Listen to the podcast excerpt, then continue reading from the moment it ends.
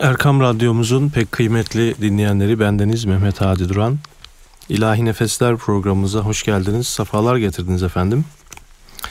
Bugünkü programımıza öncelikle bir eser dinleyeceğiz ve sonra da bugünkü programımızın muhteviyatı hakkında sizlere bilgi vereceğiz efendim. Öncelikle bir güzel eserle programımız başlıyor. Müzik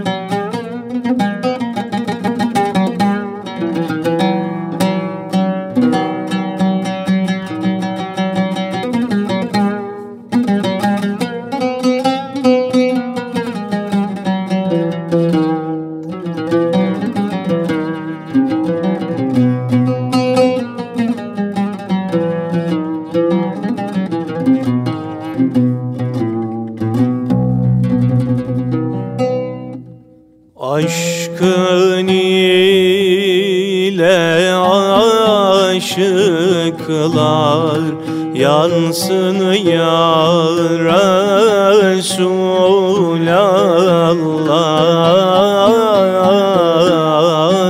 İçi aşkın şerabın kansın ya Resulallah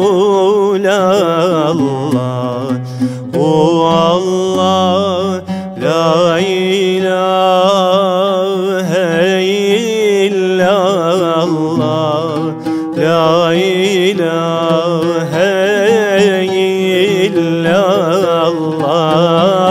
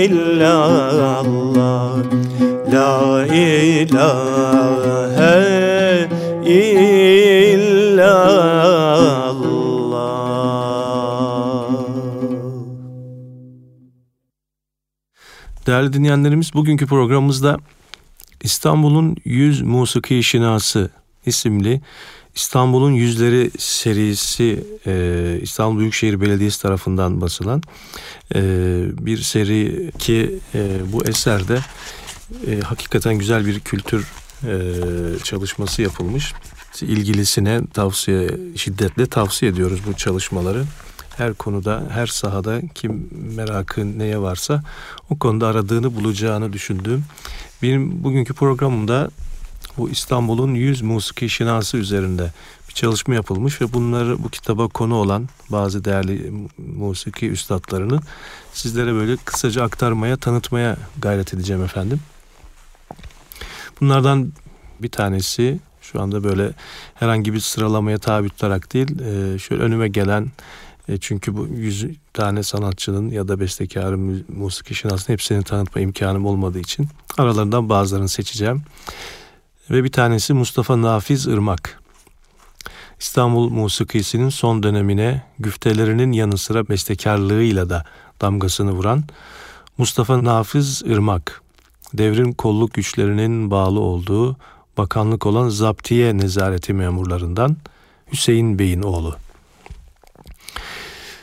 Ortaköy Cami imamı Hafız Aziz Efendi'den ilahi, Sultan Selimli Udi Ekrem Bey'den şarkı ve usul, Koca Mustafa Paşa Hatibi Hafız Saadettin Efendi'den de ilahi ve tevşih, Eyyubi Ali Rıza Şengel'den usul meşk ederek musikiyi öğrenir.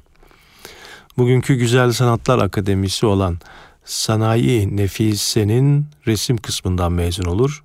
Edebiyat dünyasının ünlü ismi Ahmet Haşim ve Cenap Muhiddin Kozanoğlu da hocalar arasındadır. 1931 yılında 27 yaşındayken ilk bestesini yapar. Verdiği eserlerle de belli bir sanat anlayışının ve kalite çizgisinin altına düşmemesiyle dikkat çeker. Ancak büyük başarı sağladığı güfte şairliği ile asıl ününü yakalar. Nadiren hece, çoğunlukla da aruz vezinlerini kullanarak yazdığı güfteleri bir dönemin musiki hayatına damgasını vurur. Türk musikisinin son devrinde güfte yazarlığı konusunda en önde giden şair olarak değerlendirilmesinin yanı sıra musiki tarihimizin bütün zamanları göz önüne alındığında da ilk sıralardaki güfte şairlerinden biri olduğu kabul edilir. Türkçesi son derece sağlam, edebi hassasiyetiyle öne çıkan ve daha çok bireysel aşk acılarını, derin özlemleri ve ümitsiz sevdaları dile getirdiği yüzlerce güftesiyle döneminin pek çok bestekarı tarafından paylaşılamayan bir şairdir. Eserleri Yahya Kemal gibi bir şair tarafından kıskanılacak kadar başarılı diye değerlendirildi. Hiçbir temelli işi ve kazanç kapısı yoktu. Eserlerinin yer aldığı plaklar sebebiyle ödenen küçük miktardaki teliflerden başka bir geliri de bulunmuyordu. Bir iki sinema filminin müziklerini de yapmış. 1950'li yıllarda kısa süreliğine de olsa İstanbul Radyosu arşivindeki güftelerin düzeltilmesi işiyle meşgul olmuştu. 1960'lı yılların başında da İstanbul Belediye Konservatuvarı'nda edebiyat dersleri vermesi sağlanarak kendisine destekte bulunulmuştu. Daha çok bazı varlıklı sanatseverlerin inayetiyle yaşayan, yatacak bir yeri dahi bulunmayacak derecede yoksul ve fakat tam anlamıyla sanatkar ruhlu bir insandı. Darül Aceze'de kimsesiz olarak vefat ettiğinde cenazesi İstanbul Belediyesi tarafından kaldırılır. Cenazesine katılan dostlarının dahi unutmaları sebebiyle kaybolan ve 2005 yılında bu satırların yazarının yaptığı araştırmalarla bulunan Feriköy kabristanındaki kabir yerine Türk Musikisi Vakfı adına Mimar Hilmi Şenalp ve Mimar Celalettin Çelik'in yaptıkları mezar inşa edilir. Türk musikisi repertuarında 50'ye yakın eseri bulunan Irmak şiirlerinin bir kısmını da kitap olarak yayınlamıştır ve 1975 yılında kendisi vefat etmiştir. Allah'tan rahmet diliyoruz. Şimdi bir eser dinleyelim ve sonra programımız kaldığı yerden devam etsin efendim.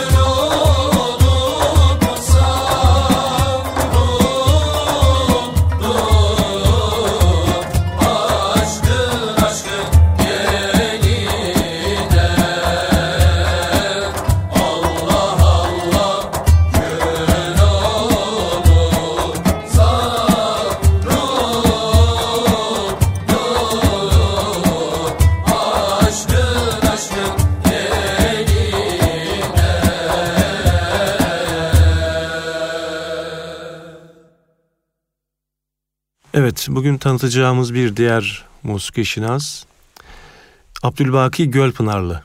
Verdiği eserler içeriklerinde yer alan Türk musikisi ile ilgili bilgilerle önemli birer müzikolojik kaynak, kimliğini de kazanan Türk kültür ve bilim hayatında tasavvuf, tarikatler, mezhepler, divan edebiyatı ve İran edebiyatı üzerine verdiği temel eserlerle silinmez bir iz bırakan ünlü bir edebiyat tarihçisidir. Asıl adı Mustafa İzzet Baki'dir. Babası gazeteci Ahmet Agah Efendi Mevlevi'dir. Lise öğrenimini sürdürdüğü Gelenbevi İdadisi'nin son sınıfındayken babasını kaybedince öğrenimini yarım bırakıp veznecilerde kitapçılık ve Çorum'un Alaca ilçesinde ilkokul öğretmenliği yapar. 1922'de İstanbul'a dönerek sınavla son sınıfına kabul edildiği İstanbul Erkek Muallim Mektebi'nden ardından da 1930'da İstanbul Üniversitesi Edebiyat Fakültesinden mezun olur. İsmail Saip Efendi, Ömer Ferit Kam, Ahmet Naim Bey, Bahariye Mevlevihanesi Şeyhi Hüseyin Fahrettin Dede ve Hoylu Hacı Şeyh Ali gibi devrin en büyük üstadlarından istifade eder. Konya, Kayseri, Balıkesir ve Kastamonu liseleriyle İstanbul Haydarpaşa Lisesi'nde edebiyat öğretmenliği, Ankara Üniversitesi Dil, Tarih ve Coğrafya Fakültesi'nde Farsça okutmanlığı yapar. Doktorasını da verdikten sonra aynı fakültede metinler şerhi okutur. İstanbul Üniversitesi Edebiyat Fakültesi'nde İslam Türk Tasavvuf Tarihi ve Edebiyatı dersleri verir. 1945'te Ankara'da Dil Tarih Coğrafya Fakültesi'nde İslam Türk Tasavvuf Tarihi ve Edebiyat okuturken Türk Ceza Kanunu'nun 141. maddesine aykırı davrandığı gerekçesiyle tutuklanır. 10 ay hapis yattıktan sonra aklanıp tekrar görevine döndüyse de 1949'da kendi isteğiyle emekliye ayrılır. Adını bilim çevrelerinde kuvvetle duyuran Melamilik ve Melamiler adlı eserini 1931 yılında yayınlar. Türkiyat Mecmuası, Şarkiyat Mecmuası ve İstanbul Üniversitesi İktisat Fakültesi Mecmuası'nın yanı sıra çeşitli dergi ve gazetelerde çok sayıda bilimsel makale yayınlar. İslam Ansiklopedisi ile Türk Ansiklopedisi'nin çeşitli maddelerini yazar. Küçük yaşta benimsediği Mevlevilikle birlikte tasavvuf ve tarikatlar konusundaki özgün çalışmalarıyla da önemli bir boşluğu doldurur. Birçoğu aşılamayan eserlerinin önemli bir kısmı Türk musikisi tarihine de kaynak teşkil ettiği için kültür tarihimizde önemli bir yeri olan Gölpınarlı'nın günümüzün önde gelen musiki ile alakalı tarihçilerin de yetiştirmiştir. Üsküdar'da Seyit Ahmet Deresi'ndeki aile mezarlığında metfundur. Vefat tarihi 1982. Yine Rabbimizden e, rahmetiyle muamele etmesini temenni ediyoruz ve bir eser daha dinliyoruz şimdi efendim.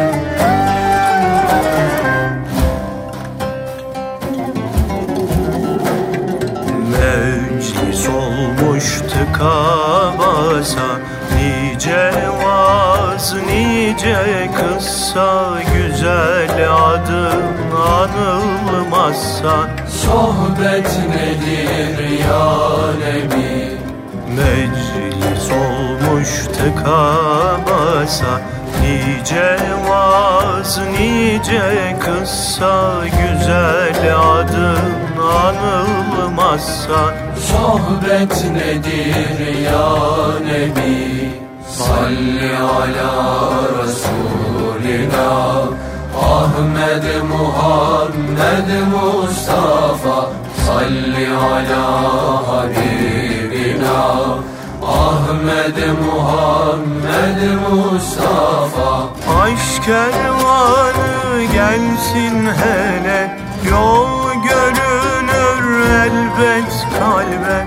Madem mermen ehabbe Gurbet nedir ya Nebi? Aşk kervanı gelsin hele Yol görünür elbet kalbe Madem mermen ehabbe Gurbet nedir ya Nebi? Salli ala Resulina Ahmed Muhammed Mustafa. Salli ala Habibina. Ahmed Muhammed Mustafa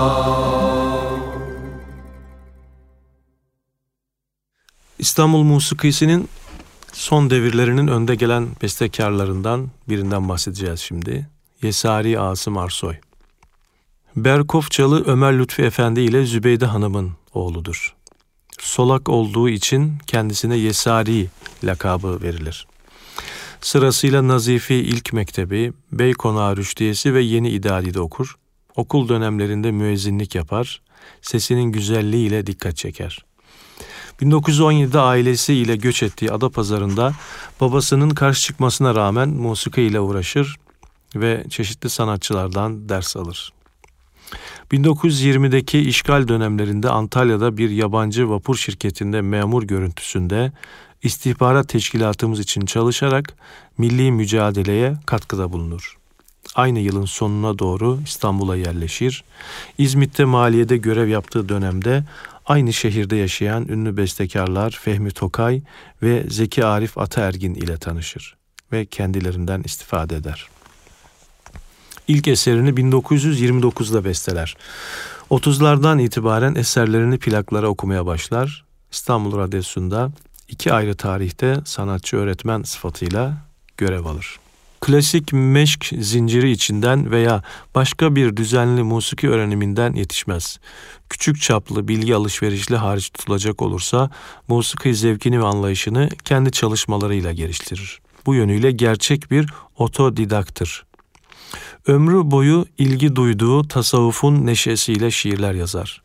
Musikiye saygısı sebebiyle şöhretinin zirvesinde olduğu dönemlerde kendisine önerilen yüksek ücretlere rağmen piyasalarda çalışmayı kabul etmez.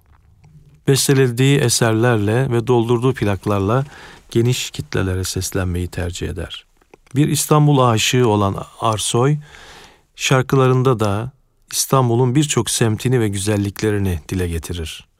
Eserlerin hepsinde güfte ile beste arasındaki uyuma son derece özen gösterir ve ilhamsız bir eser bestelemez.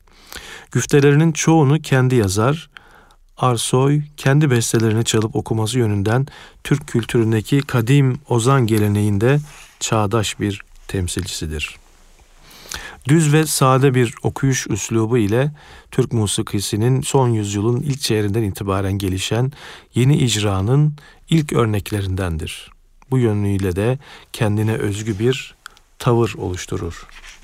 Saadettin Kaynak ve Salahattin Pınar'la birlikte İstanbul'un e, bu musiki şinasları arasındaki son dönemde hassas bir e, yer işgal eder ve 1992 yılında vefat eder. Kendisine Yüce Allah'tan rahmet ve merhamet dileklerimiz biz de sunuyoruz ve şimdi bir eser dinliyoruz efendim.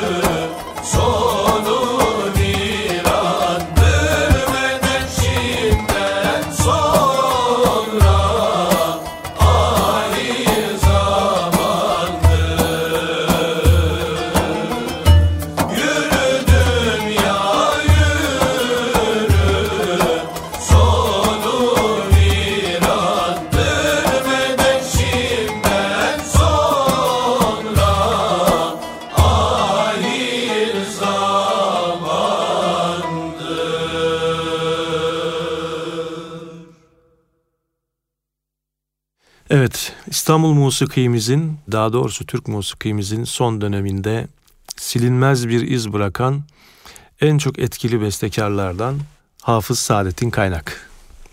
Fatih Cami ders ağamlarından ve Huzur Hümayun hocalarından Ali Alaaddin Efendi'nin oğludur. Aynı zamanda bir din adamı ve şöhretli bir hanende olan kaynak, dini musiki sahasından yetişir. Dini musiki icracısı olarak da ün kazanmasına karşılık, yıllar yılı sarsılmayan ve ölümsüz olan asıl ününü bestekarlığıyla kazanır.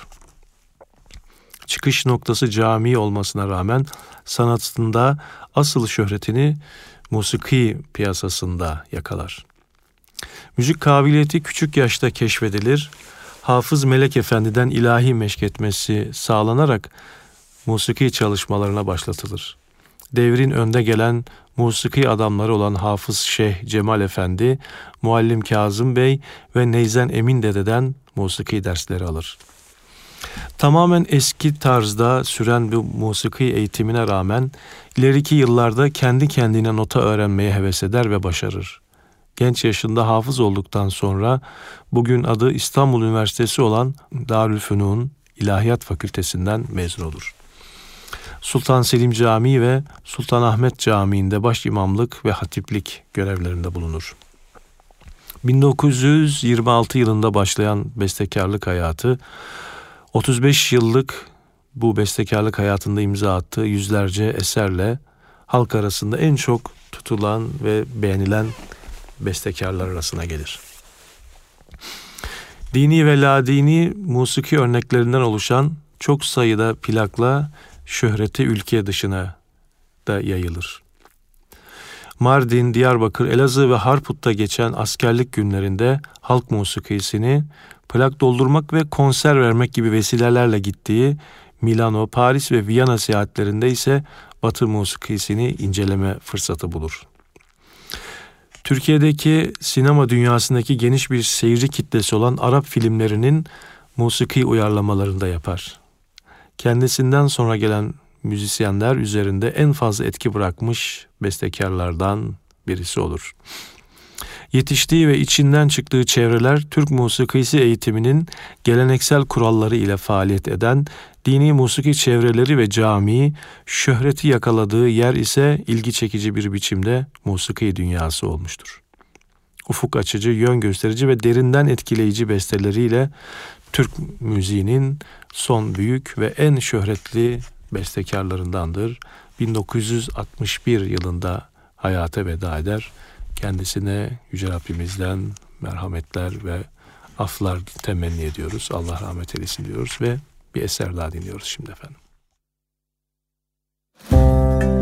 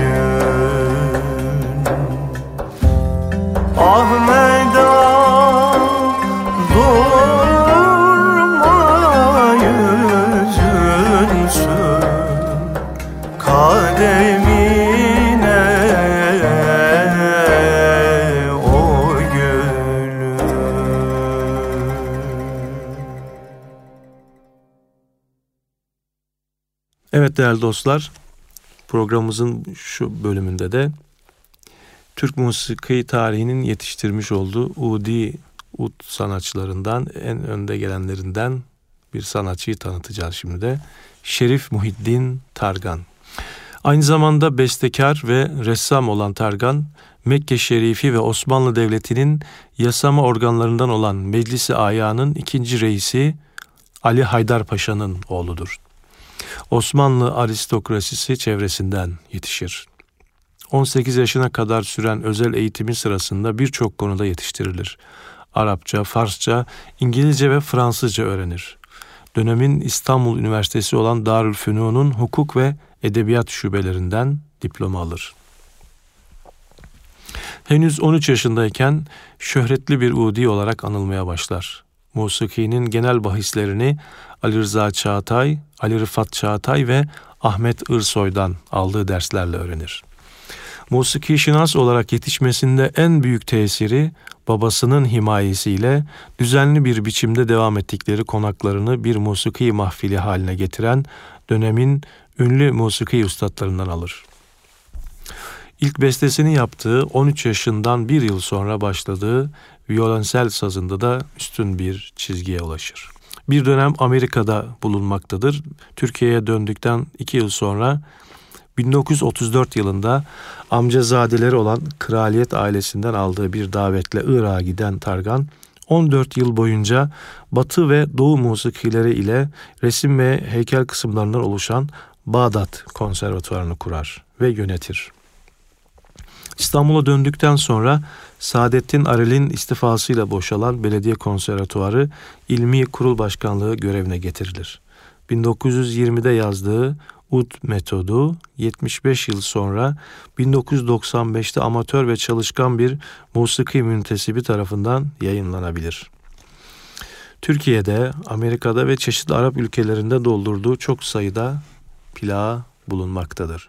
Bugün e, Türk musikisi repertuarında bulunan 25 kadar eserin büyük bir bölümü saz musikisine ait eserlerdir ve özellikle Uşak ve Müstehar makamında çok güzel eserleri de yine bulunmaktadır. Şerif Muhittin Targan aynı zamanda e, Peygamber sülalesinden Hazreti Peygamber'in 37. kuşaktan torunudur. E, ve bu Şerif ismi de başı isminin başındaki Şerif ismi de e, buradan gelmektedir. 1967 yılında vefat eder kendisi. E, biz de kendisine yine rahmetle ve şükranla anıyoruz ve yine bir eser dinliyoruz efendim.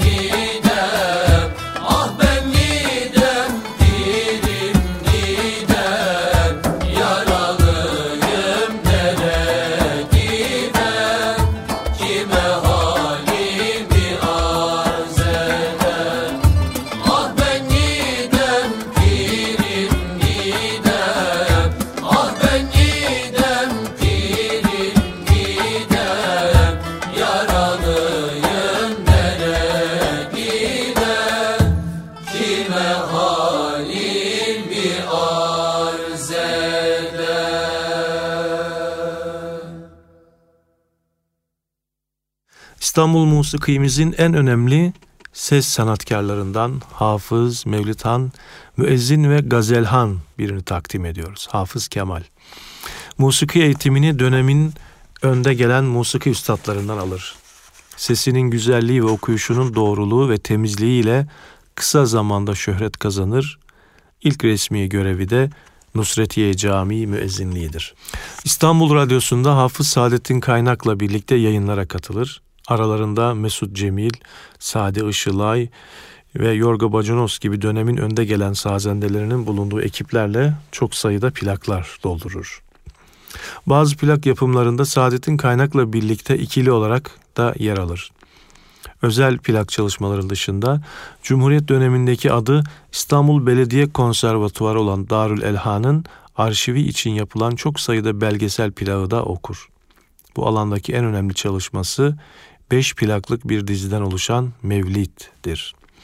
Plak ve konser çalışmaları için gittiği Berlin'e, 1930'da Paris'e ve 31 yılında da Atina'ya gider. İstanbul halkı Hafız Kemal'in okuduğu ezanları dinleyebilmek için bulunduğu camilere akın ederdi. Döneminin halk tarafından en el üstünde tutulan ses sanatkarlarından biriydi. Sesi geniş oktavlı, tiz, parlak, gür ve yakıcı güzellikteydi. Okuduğu güfteyi dil kuralları ve estetiği açılarından müzikle en doğru biçimde bezerdi. İcrası erişilmesi zor bir musiki varlığının ifadesiydi.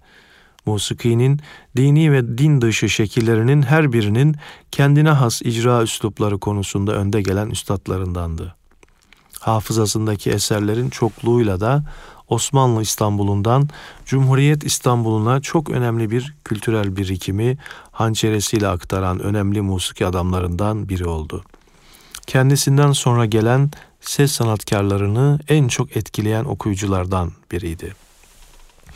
Osmanlı'nın son döneminde yetişmiş bir musiki adamı olarak Kasımpaşalı Celal Efendi, Bestenigar Ziya Bey ve Hacı Kirami Efendi gibi ustalardan devraldığı birikimi Hafız Hüseyin Tolan ve Sade Hoyses gibi kendisinden sonraki kuşakların temsilcisini aktardı. Bir dönem Sultanahmet Camii baş imamlığında bulunmuş olan ve son görevi Süleymaniye Camii baş imamlığı ve müezzinliği olan Hafız Kemal'in bilinen bestelenmiş eseri rast makamında bir şuul yani Arapça güfteli bir ilahidir. Doğaçlamaya dayanan serbest bir icra şekli olan ve birer beste olarak da değerlendirilmesi gereken gazelleri üzerine geniş ve derin çalışmalar yapılmakta şu anda efendim. Kendisinin vefat tarihi de 1939. Evet, bir eser daha dinliyoruz ve programımız devam edecek inşallah.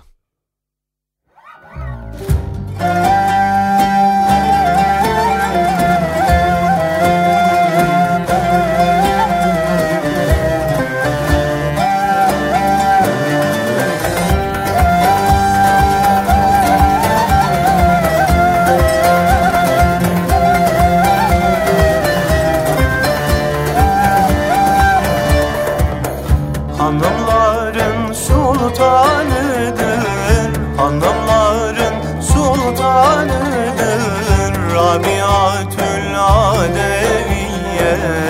Rabiatül Adeviye Rabiatül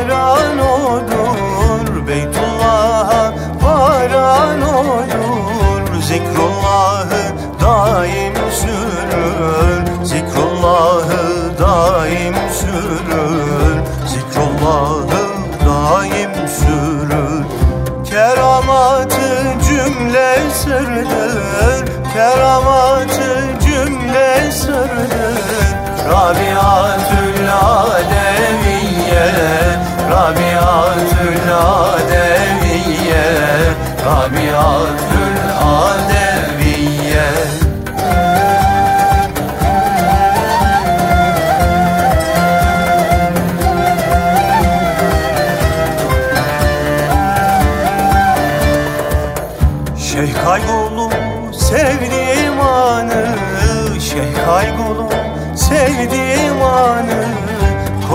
canım içre canı Kodum canım içre canı Kodum canım içre canı.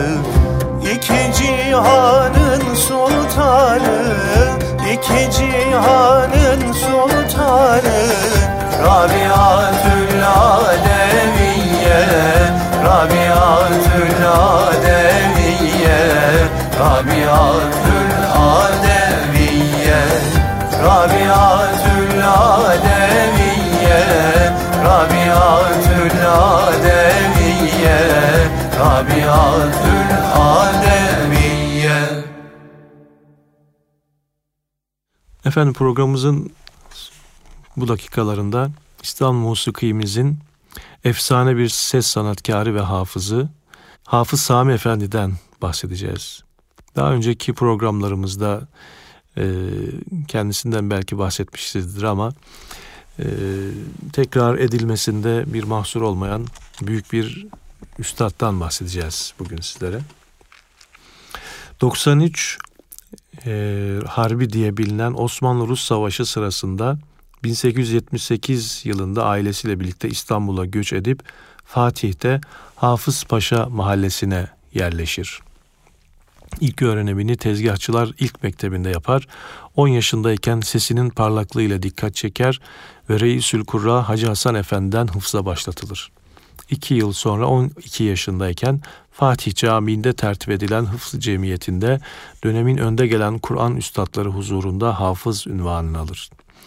Fatih Medresesi'nde Hacı Kadir Efendi'den Kur'an, Eğinli Rahmi, İdris ve Hacı Abduş Efendilerden medrese dersleri tahsil eder. 34 yaşında yüksek medrese diploması alır. Musikiye ünlü bestekar Şeyh Hacı Ethem Efendi'den aldığı derslerle başlar. Ardından dönemin önde gelen musiki üstadları olan Bolu Ahenk Nuri Bey ve Hacı Kirami Efendi'den meşk ederek ilerler. Muhteşem sesiyle kısa sürede İstanbul'un en büyük musiki şöhretlerinden biri haline gelir. İstanbul'un birçok Selahattin Camii'nde yaptığı imamlık görevleri esnasında iç içe olduğu ve sesini dinlettiği İstanbul halkının sevgilisi haline gelir. Henüz çok genç yaşındayken şöhretin zirvesindedir. Nitekim Ahmet Mithat Efendi gibi büyük bir kalem 1898 tarihinde Tarik gazetesinde henüz 24 yaşında ve hiçbir resmi ünvanı bulunmayan Sami Efendi için yazdığı makalenin başlığını Hafız Sami Efendi Hazretleri diye atmış. İstanbul halkının Sami Efendi'ye duyduğu büyük sevginin tercümanı olmuştur. Sadece İstanbul merkez olmak üzere Türkiye'de de değil, Mısır ve diğer İslam ülkelerinde de vecd içinde dinlenen Sami Efendi'nin Kur'an ve özellikle de Mevlid okumak üzere onun üzerine çıkılamadığı söylenir. Plaklara dini parçalar okur, ayrıca gazel başta olmak üzere din dışı eserlerle de plaklar doldurur. Hafız Sami'yi İstanbul halkının gönlünde kahraman yapan özelliği hayret verici tiz sesidir. Dinleyicilerini kendinden geçiren ve çılgınca tepkiler verdirecek kadar coşturan bir okuyuşu vardır. Müzikal değerinden hiçbir şey yitirmeden çıktığı perdeler akıl almaz yüksekliktedir. 1901'de Zeyrek'te kilise camiinde okuduğu Mevlidi, 1908'den hemen sonra Esat Efendi dergahında okuduğu Sure-i Mülk'ü dinleyen İstanbul halkının topluca kendinden geçişi, unutulmayan ve nesiller boyu anlatıla gelen hatıralardandır. Hac için gittiği Hicaz'dan döndüğü yıl olan 1909'da kendisine teklif edilen Sultan Reşad'ın saraybaşı imamlığını kabul etmez. Sanat hayatı eğitim gördüğü süre hariç tutulduğunda büyük bir şöhret olarak 20 yıl kadar sürebilir.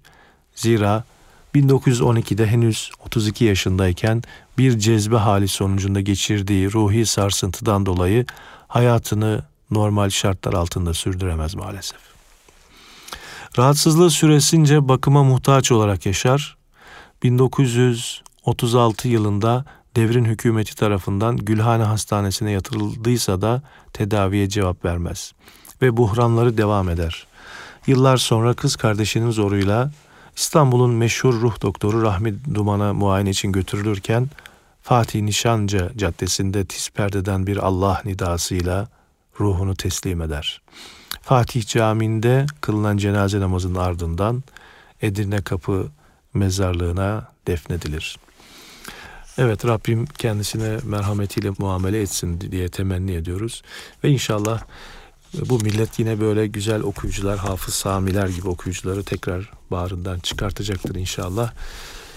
Evet efendim, bugünkü programımız da burada sona eriyor. Şimdi birbirinden güzel eserlerle sizlere veda ediyoruz. Allah'a emanet olun efendim. Sağ olun, var olun. Allah Allah hay